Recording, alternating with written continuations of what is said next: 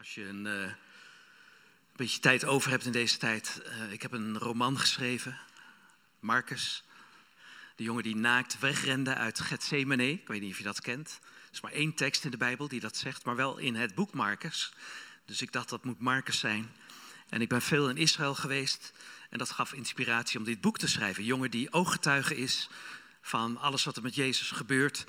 En dat ook zelf zo toelaat dat hij daardoor verandert.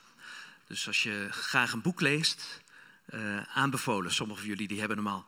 We kwamen in Israël en ik kreeg daar uh, deze uitgave van mijn eigen boek overhandigd.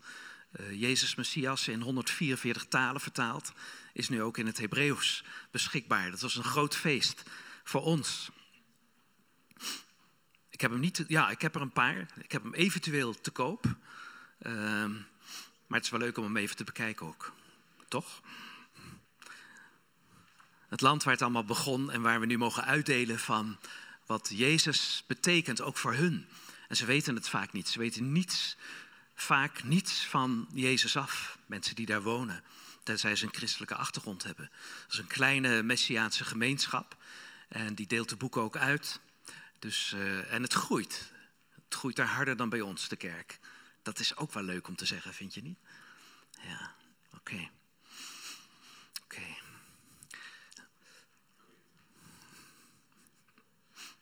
Gaaf om bij elkaar te zijn.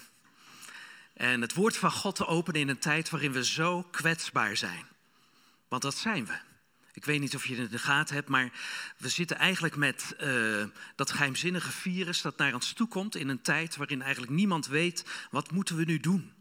En het raakt ook iedereen. Dat vind ik ook heel frappant. Hè? Het raakt regeringsleiders, rijke, armen. Het gaat door alle rassen heen. En ineens is iedereen betrokken bij hetzelfde.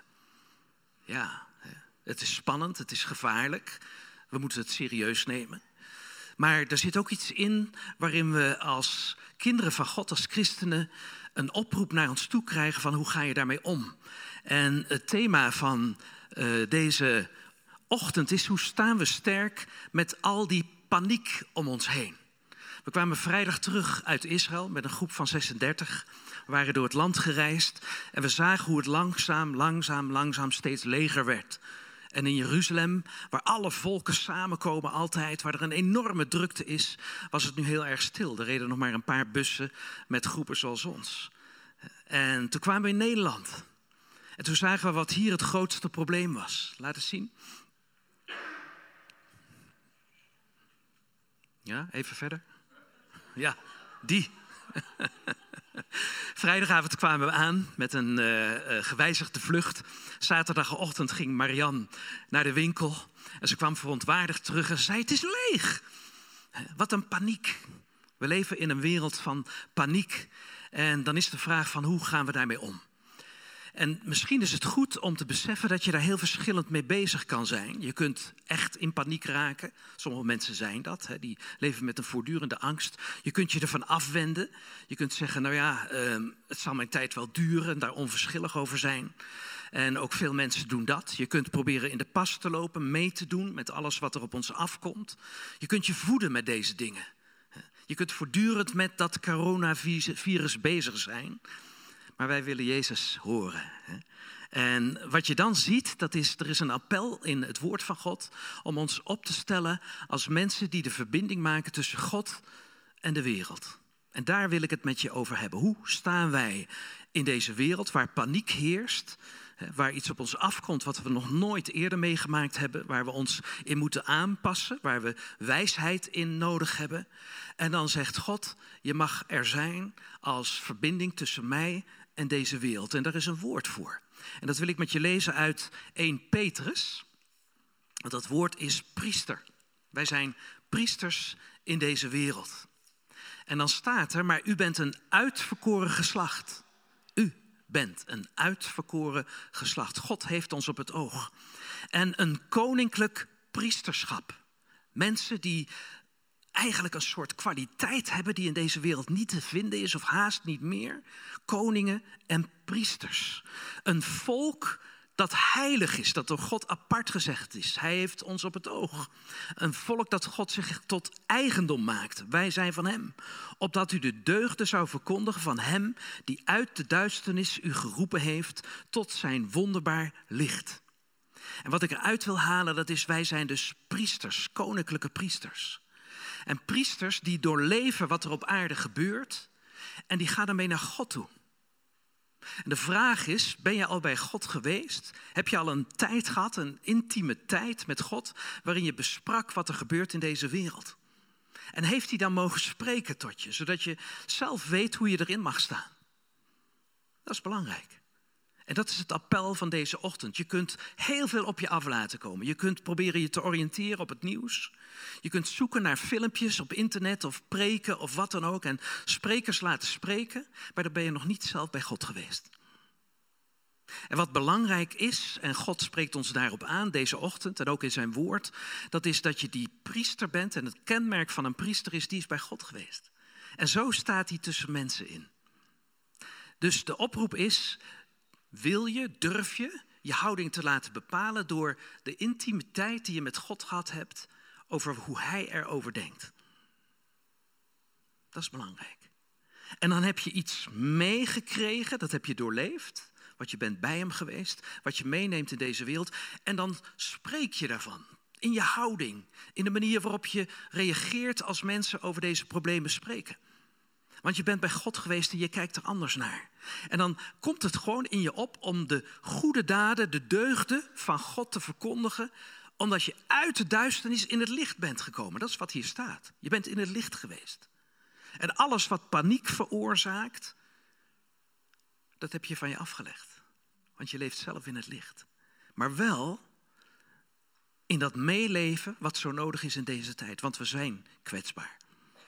Want er komen dingen op ons af waarvan we ons afvragen hoe moeten we daarmee omgaan. Soms weten we het ook niet. En God geeft niet altijd precies dat antwoord wat je zou verwachten. Maar wel daar waar vrede is, omdat je bij Hem geweest bent. En dat geef je door. Je bent priesters. En priesters die kijken niet weg. Laat het rijtje maar even zien. Ze kijken niet weg. Ze staan midden in de wereld. En ze raken ook niet in paniek. Dat ook niet. Paniek, dat is een andere orde, daar ga ik straks wat over zeggen. Dat is een geestelijke invloed. Maar ze hebben wel een ontmoeting met God gehad en vragen God wat ze mogen betekenen voor mensen. Ik zie een priester altijd als iemand die een hand omhoog geeft en een hand naar beneden. Zo sta je daar. Je bent met God verbonden en je verbindt je met mensen. En daar heb je nu de kans voor. En misschien zeg je, ja, maar ik hou mijn deur dicht. Nou, ik zou hem op een kier zetten. Of ik zou misschien iets verder openzetten dan anders. En iets beter kijken naar je omgeving, misschien je buren of andere mensen die je in je omgeving hebt. Wat hebben ze nodig? Hoe reageren ze erop en hoe kan ik daarvan betekenis van zijn? Want buren heb je toch, daar ga je toch mee praten. Of collega's of familie of wat dan ook. Dat is wat we doen. En dat is waar we eh, door uitgedaagd worden in deze bijzondere tijd. Het is een appel van God aan zijn volk, aan zijn kinderen, aan de mensen die geheiligd zijn door hem, om er te staan als priesters in deze wereld. Hè. En een goed voorbeeld van zo'n priester is Mozes. Er was een tijd dat Mozes een heel volk mee moest nemen door de woestijn. Ik heb eh, in Israël 36 mensen meegenomen door de woestijn. Was ook leuk.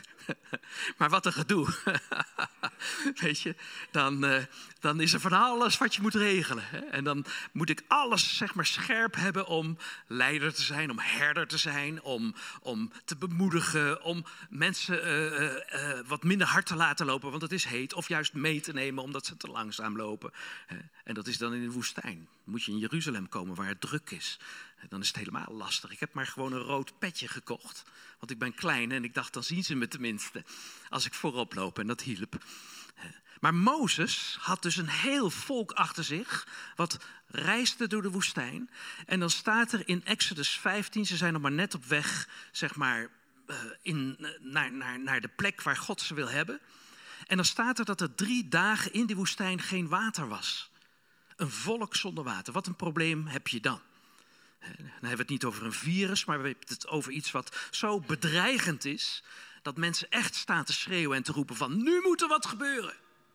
En dan zie je Mozes als priester optreden. En ik vind dat een geweldig voorbeeld, omdat daarin ook die, die reflectie zit, die, die weerspiegeling van hoe God ons wil zien. Er staat dus uh, drie dagen trokken ze door de woestijn zonder water te vinden, in 15 vers 22. En toen kwamen ze in Mara. Het water van Mara konden ze echter niet drinken, zo bitter was het. Vandaar dat ook die plaats Mara heet. Bitter water, er was water, maar er was niks mee te doen. En het volk begon zich bij Mozes te beklagen. Wat moeten we drinken? zeiden ze. En dan dit. Mozes riep de Heer aan. Ah, zie je? Er zijn omstandigheden, er is dreiging. En wat doet Mozes? Wat zouden wij moeten doen? Wat doen wij als we weten dat we priesters zijn? Dat we instaan voor mensen om ons heen, zoals Mozes voor zijn volk. Hij was geroepen, hij was apart gezet. Alles wat we gelezen hebben in, in Petrus zit er eigenlijk bij Mozes in. En hij roept de Heer aan. Hij zoekt de, de intimiteit en de, de, de omgang met God om antwoord te krijgen. Hoe moet ik hierin staan? Hoe moet ik me hierin verhouden? Wat is uw antwoord? En nogmaals, wij hebben allemaal de gelegenheid om zo met God om te gaan, want wij zijn een volk van priesters. En we zijn ook nog koninklijk. Dus wij gedragen ons anders. Wij heersen over de omstandigheden. Nou, Mozes was er ook zo één. En toen zei God: Kijk nou, daar ligt een stuk hout. De Heer wees hem op een stuk hout. Dat is interessant. Dat is heel interessant. De Heer met hoofdletters, Hij die er voor ons zal zijn, betekent dat. Dat is zijn naam. Hij zegt, Mozes, je bent bij mij geweest en wat ik je laat zien, wat ik je geef, is een stuk hout. Dat is interessant. We hebben net gezegd, we horen te veel corona, te weinig Jezus. Soms is het interessant om ook in het Oude Testament signalen van Jezus te ontdekken. En een stuk hout zegt iets van waar Jezus aan gehangen heeft. Het kruis van hout. En wat er gebeurt, dat is Mozes gooit dat hout in het water. Het is maar een heel klein zinnetje, maar er zit zoveel kracht in. Voor massa's mensen is er dan water te drinken, omdat er een hout in het water gegooid is dat God heeft aangewezen. God doet soms verrassende dingen. Als je bij hem geweest bent, dat je denkt, oh, er zit zoveel creativiteit in God, dat hij van een stukje hout een geneesmiddel kan maken.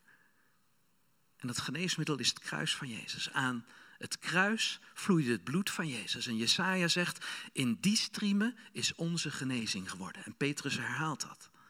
En het wonder van het kruis zie je eigenlijk terug in dat bittere water wat gezond wordt. En het hele volk kan drinken. En als je dan verder leest, het is leuk om door te lezen. Uh, toen werd het zoet, dus het werd zelfs heerlijk om te drinken. Niet meer bitter, maar zoet. En dan staat er dat hierna kwamen ze in Elim, een plaats met twaalf waterbronnen en zeventig dadelpalmen. En daar sloegen ze bij het water hun tenten op. Dus eerst was er niks. Toen was er bitter water. Toen ging Mozes met God in gesprek. Hij keek hem in de ogen. Hij zei: Wie bent u? En God zei: Ik zal er zijn. Kijk naar dat hout en gooi het in het water. En als je dan bij God geweest bent als priester, dan kun je andere mensen helpen. En het wonderlijke is dat zelfs die dramatiek, die, die, die, die paniek die er was, die, dat grote probleem wat er was, dat dat zich ten goede keert en dat je merkt dat je dan ineens op een plek bent waar heel veel water is. Dat is toch wel heel apart. Dat is het verhaal. En daar openbaart God zich als de Heer. Ik ben de Heer die jullie geneest. Exodus 15, vers 26. Dat is eigenlijk de samenvatting van, van deze geschiedenis. De eerste keer dat God zegt, ik ben er om jullie te genezen. De Heer, Hij die er zal zijn, Yahweh. Ik ben het die jullie geneest. Yahweh Rapha in het Hebreeuws. Ik ben het die jullie geneest. Een openbaring van God in zijn naam. En in zijn naam zit besloten, ik zal er zijn. Hoe? Je zult het merken. Ik genees. De bitterheid komt eruit. En dan hebben we het misschien niet eens over de bitterheid van een virus, maar ook misschien wel de bitterheid uit je hart. Waarom? Omdat je bij God bent geweest en je ziet wat Hij op zijn hart heeft. Er is een kruis, er is hout waar iemand dan stierf. die je ellende op zich nam en je angsten en alles wat je bezig hield, waardoor je eigenlijk afgehouden werd van de goedheid van God. En als je daar geweest bent en je bent daardoor aangeraakt, dan ontstaat er een leven van vrede, van vrijheid, van rust, een oase. Met twaalf bronnen. Twaalf, staat dat er? Ja, twaalf waterbronnen en zeventig dadelpalmen. nou, daar kan je wel onder schuilen hoor. En die dadels die zijn ook heerlijk. Je zou haast kunnen zeggen, voor elke stam was er een eigen bron. Twaalf stammen, twaalf bronnen. Je komt niets tekort. Dat is hoe God werkt in ons midden. En wat zichtbaar wordt als je bij hem geweest bent. Nou, het typische is dat als we dan naar Jezus zelf kijken, dat we hem ook zien als priester. En hij neemt op een bepaald moment zijn discipelen mee op vakantie. Ik weet niet of je dat weet. Hij is twee keer op vakantie geweest, ver buiten zijn leefgebied. Niet naar Jeruzalem, want dat was een ander feest, maar naar het noorden. Eén keer bij de Middellandse Zee, zo'n beetje Libanon in. En de andere keer in de richting van Syrië. Daar waar de hoge bergen zijn, de Golanbergen. En waar je niet verder vandaan, hoog boven alles uit, de uh, Hermon ziet. Berg met sneeuw, met gletsjers. Ook vandaag kun je dat nog steeds zien. Daar kun je skiën. We zijn in dat gebied geweest. En uh, waar hij naartoe gaat, staat er, dat lees je in uh, Matthäus 16. Hij gaat daar naar de plek Caesarea Philippi. En dat is een plek van de Romeinen, gewijd aan de Caesar. En, uh, maar vooral ook gewijd aan goden. Als je daar komt, het is een gebied met veel rotsen, er zijn ook grotten. En die grotten zijn eigenlijk ook de bronnen waaruit water stroomt. En wat later, als het samenkomt, de rivier de Jordaan uh, zal zijn. En dat stroomt zo door heel Israël naar het zuiden. Komt in uh, meer van Galilea. Het gaat dan verder als rivier de Jordaan. En het komt dan uiteindelijk in de Dode Zee terecht. Dus echt een, een, een uh, waterreservoir is dat voor het leven van Israël.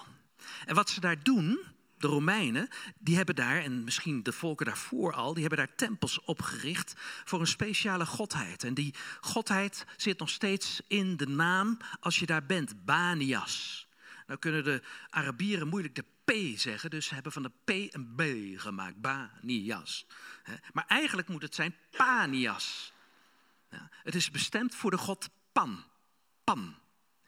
Panias, Pan. Dus er is een grote grot, een gapende muil zou je kunnen zeggen. Je kunt er naartoe, we zijn er ook geweest. En daar, daar stroomt water uit, komt eruit tevoorschijn. Maar er staan ook tempels. Er zijn alleen maar wat ruïnes, hè, maar in die tijd stonden er tempels. Jezus is daar naartoe gegaan met zijn discipelen. En wat daar gebeurt, dat is er worden offers gebracht. Er werden voortdurend, ook in de tijd van de Romeinen, de tijd van Jezus, offers gebracht. Offers betekende dat er bloed vloeide. En dat bloed, dat lieten ze in de stroom vloeien. En in het verleden werden daar ook kinderoffers gebracht. Dus het was een heel magisch gebeuren daar. Waarom? Omdat daar de god Pan heerste. En Pan, daar komt ons woord paniek vandaan. En pandemie. Dus het is eigenlijk een heel actueel gebeuren wat daar zich afspeelt. En dat bloed moet vloeien om die God Pan tevreden te stellen, zodat de paniek niet zal toeslaan in het gebied waar hij invloed in heeft. En vandaar dat dat bloed dan stroomt Israël in. Om de paniek om Pan te bezweren en om hem gerust te stellen met de offers. En daar staat Jezus, die komt daar dan en die zegt. Uh, in een gesprek met de discipelen, uh, wie zeggen de mensen dat ik ben? En dan krijg je allerlei antwoorden. En dan vraagt hij in vers 16, toevoegen hun, en wie ben ik volgens jullie? En dan zegt Petrus, u bent de Messias, de zoon van de levende God. Dus wat Petrus hier zegt, dat is hij plaatst hem boven Pan. U bent de zoon van de levende God. U bent een grotere macht dan alles wat we hier om ons heen zien. Ja? En uh, dan zegt uh, Jezus, dan heb je het goed begrepen. Hè? Uh, 16, vers 16, even kijken, ik zal even het stukje lezen. Daarop zei Jezus tegen hem, gelukkig ben je, Simon Barjona, want dit is je niet door mensen van vlees en bloed geopenbaard, maar door mijn Vader in de hemel. Je hebt gezien, je bent geweest waar je moet zijn om die paniek niet toe te laten, maar om te begrijpen waar het werkelijk om gaat. Die offers hoeven niet meer gebracht te worden. Je hoeft niet meer ergens iets vandaan te halen om maar een stukje vrede te bewaren. Je bent bij mij geweest. Ja. En de Vader in de hemel heeft je dat geopenbaard. Wat Hij in zijn hart heeft, komt nu tevoorschijn. Eigenlijk is Petrus op dat moment, en hij schrijft dat later ook, hè, wat we hebben zijn brief net gelezen, een priester. Hij is bij Jezus geweest, hij is bij God geweest. En dat is eigenlijk wat hij ook uitdraagt. U bent de zoon van de levende God. En Jezus ziet dat en hij hoort dat en hij trekt het door naar alles wat Petrus mag betekenen voor de rest van de wereld. Want dan zegt hij, ik zeg je, jij bent Petrus. En we weten, Petrus betekent rots, dus Jezus maakt daar een spelletje van. Die zegt, het rotsje, de rots waarop ik mijn kerk zal bouwen. En de poorten van het dodenrijk zullen haar niet kunnen overweldigen. Dus wat Jezus hier zegt, dat is, je bent bij mij geweest. Je hebt een openbaring van de Vader gehad over wie ik ben. En straks zal hij ook zien wat dat hout, wat dat kruis betekent. Daar gaat hij ook over schrijven. Maar hij heeft de Vader al in zijn hart kunnen kijken. Hij heeft daar Jezus gezien, de Zoon van de levende God. Die meer is dan al die machten in de wereld die in het leven van mensen spoelen. Op dit moment gaat het niet meer via water, maar komt het via de lucht bij ons terecht. Dat is nog bizarder misschien wel. En nog bedreigender. Maar dan zegt Jezus, jij bent een rots. Je bent niet die rots waar we nu voor staan met zo'n gapende mond.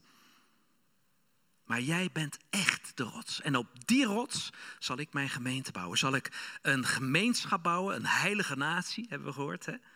Ja. Een volk, goden ten eigendom, staat er in de oude vertaling.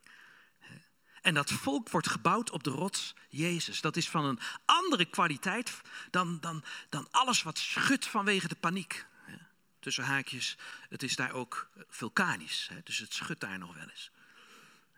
Nou, dit is de kracht die Jezus ons geeft als we bij Hem geweest zijn. De Vader in het hart hebben gekeken en ons als priesters geven aan God en dan aan mensen. Want wat doet Petrus dan? Die wordt een van de bouwers van de gemeente, een van de bouwers van de kerk. Waar wij nog steeds gebruik van maken. Zijn geheim is, hij is bij Jezus geweest. En Jezus geeft hem als het ware dat hout in handen, dat kruis, om te zeggen, nou ga je daarmee, omdat ik de zoon van God ben en mijn leven gaf voor jullie en alle paniek eigenlijk in mijn leven opnam, in mijn lichaam zelfs opnam. Ik ga je dat aan jou geven, zodat je daarmee de kerk kan bouwen. Dat is wat hij doet. En dan zegt hij, die muil van de hel waar je nu voor staat, die zal je niet overweldigen. Snap je dat? Dat is wat hij zegt. De poorten van de hel, de, mond van de hel, dat zal je niet weten te bereiken. Dat is geweldig, hè? Het kruis staat daartussen. En Satan moet zwijgen. Het geheim van een leven met Jezus. Als je bij hem geweest bent, is dat ook de houding die je aanneemt in alle paniek die er is. Die paniek moet zwijgen. Ja. En dan zegt Jezus in Johannes 20, vers 21 en 22, ik wens jullie vrede.